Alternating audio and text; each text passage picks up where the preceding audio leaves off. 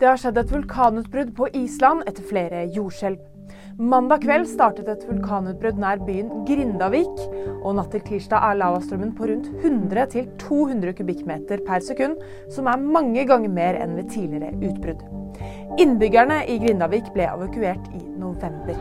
USA legger press på Israel for endringer i Gaza. De ønsker at Israel skal føre en mindre intens og mer målrettet krigføring.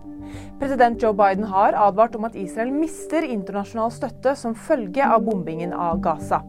Hittil skal omkring 19 000 mennesker ha blitt drept i Gaza.